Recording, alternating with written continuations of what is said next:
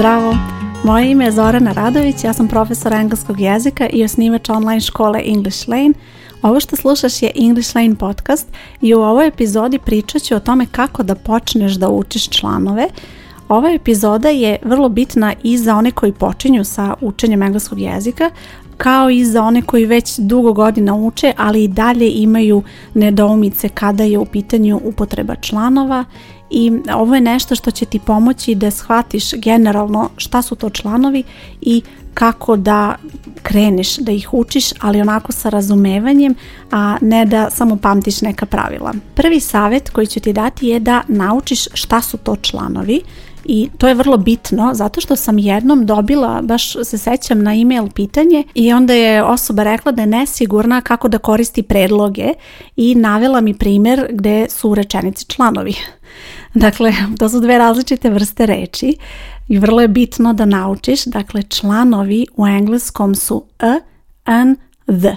Postoji određeni član, to je the, postoji neodređeni član, nekada se piše a, nekada an i postoji nešto što se u gramatici zove zero article, to jest nulti član, odnosno to su situacije kada se ne koristi član. I to je bitno da zapamtiš da su to te reči o kojima ću ja danas pričati i da se, su te reči u engleskom nešto što mi nemamo u maternjem jeziku i da je to nešto što je neophodan deo engleskog jezika i da moraš da naučiš kako se to koristi. Vratit ću se još jednom.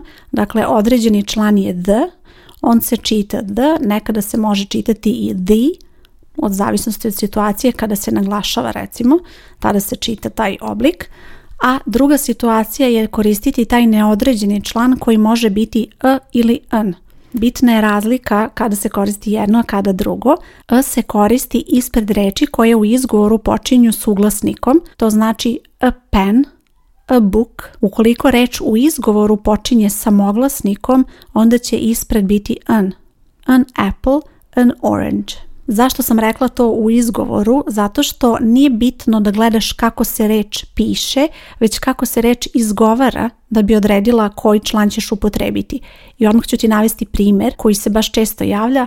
Hour, što znači sat na engleskom, ta reč u pisanju počinje slovom h, ali u izgovoru se taj suglasnik ne čuje i zato će biti an hour. An hour.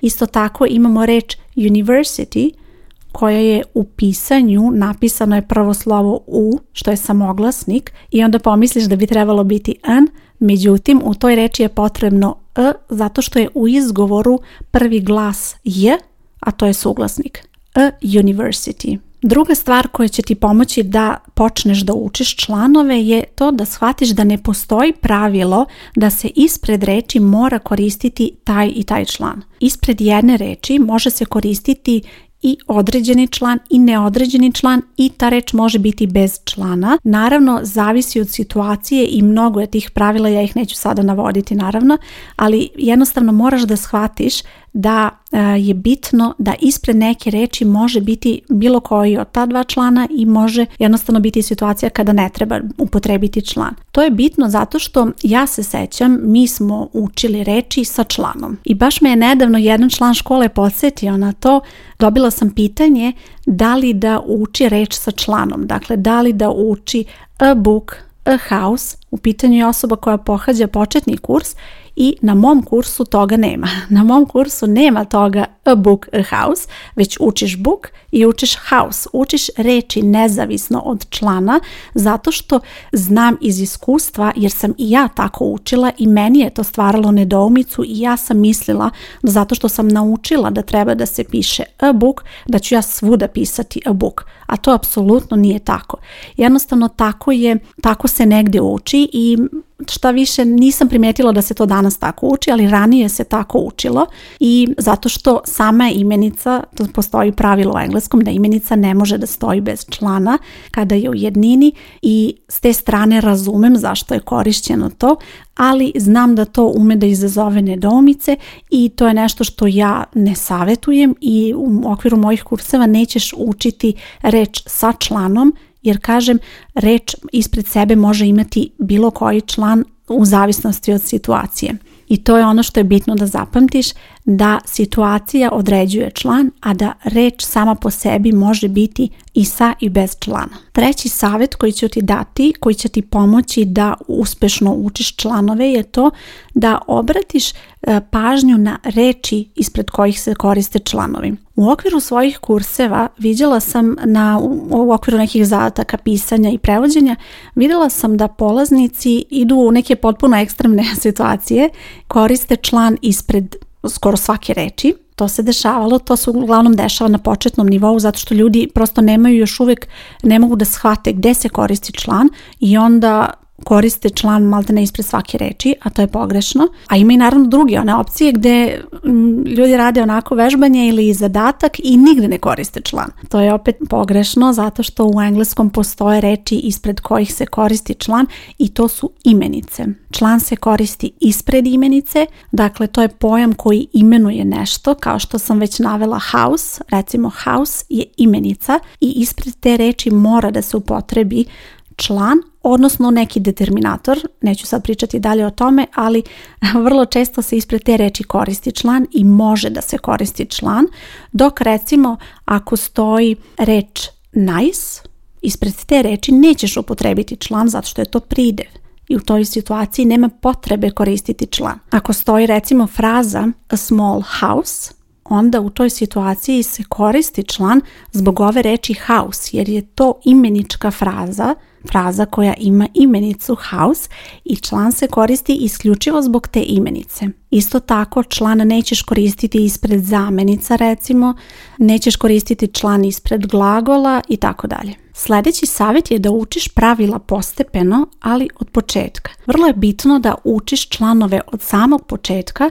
zato što ti ne treba da dođeš do nekog nivoa da bi znala članove, već od samog početka treba da učiš čak i onim najjednostavnijim rečenicama da li se koristi član i zašto se koristi član treba da razumeš i treba da znaš i ti to da upotrebiš. Primetila sam da u mojoj školi kad se upišu polaznice i nisu e, u pitanju početnici, dakle ne kreću od početnog kursa, već recimo od nekog e, kursa kao što je engleski 102 ili tako dalje, da kada rade zadatke, jedan od najvećih problema koje oni imaju su upravo članovi. Vrlo često je recimo gramatika na dosta dobrom nivou, znaju recimo recimo sadašnja vremena, čak znaju i nepravilne glagole i razne neke druge stvari što je u redu, ali kada su u pitanju članovi tu ima jako puno nesigurnosti, a kada isti taj kurs rade oni koji su krenuli od početka da uče u mojoj školi, koji su krenuli od kursa 101, oni nemaju takvih nesigurnosti.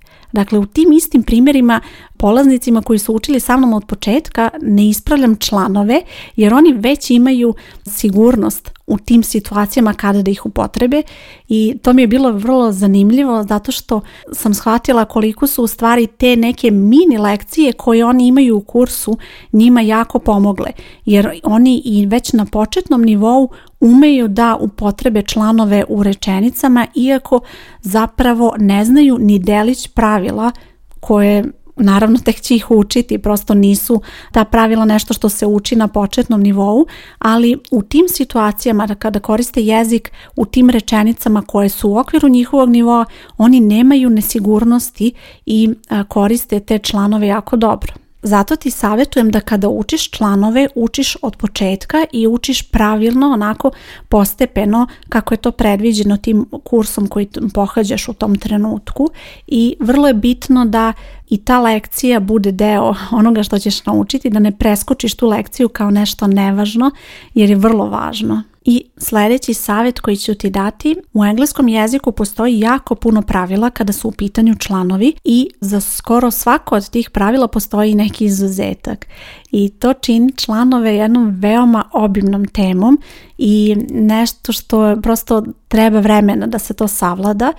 Ja recimo u okviru moje škole imam kurs članovi u engleskom jeziku koji traje šest nedelja i polaznice koje uče sa mnom vrlo često prođu kroz taj kurs u okviru tih šest nedelja, a onda sljedeći put kada ponovo radimo upis za taj kurs, one se ponovo prijave i ponovo prolaze kroz te aktivnosti kao moraju da se podsjete i to je odlično zato što je to nešto što će im omogućiti da kasnije sa sigurnošću zaista ne samo razumeju ta pravila nego i da ih upotrebe, da znaju u situaciji kada treba nešto da kažu da li i zašto treba da upotrebe neki član. još jedan savjet koji ću ti dati je to da obratiš pažnju na primere koje viđeš u tekstu, u vežbanjima, probaj da donosiš zaključke kada se koristi član u nekim situacijama, kada ne, jer dosta toga ćeš naučiti iz tog konteksta. Recimo, vrlo često ćeš vidjeti da se kaže in the morning, recimo kada se nešto desilo, ta fraza za vreme recimo uglavnom se koristi sa tim članom in the morning, a recimo imamo frazu at noon koja se uvek koristi tako at noon, nikada se ne kaže tu ni a e, ni d. To su neke specifične fraze i u engleskom će biti dosta tih fraza, ali je vrlo bitno da ako ti učiš od početka, da onda i te fraze učiš od početka jer onda kada na, kako napreduješ sa učenjem, sve više takvih fraza ćeš naučiti i odmah ćeš već znati u tim situacijama da li da upotrebiš član ili ne, jer su to neke fiksne fraze koje se uvijek javljaju kao takve. Inače, ja sam u toku ove epizode pomenula kurs članovi u engleskom jeziku, to je kurs koji je dostupan u okviru English Lane škole. Taj kurs je vremenski ograničen i upisuje se u određenim intervalima u toku godine. To je još jedna bonus aktivnost koju možeš raditi u okviru škole e, ukoliko si član. Ukoliko želiš da pogledaš više o English Lane školi i kako funkcioniše učenje online putem online platforme, pogledaj više na ovoj stranici gdje slušaš podcast, bit će link ili potraži English Lane online škola.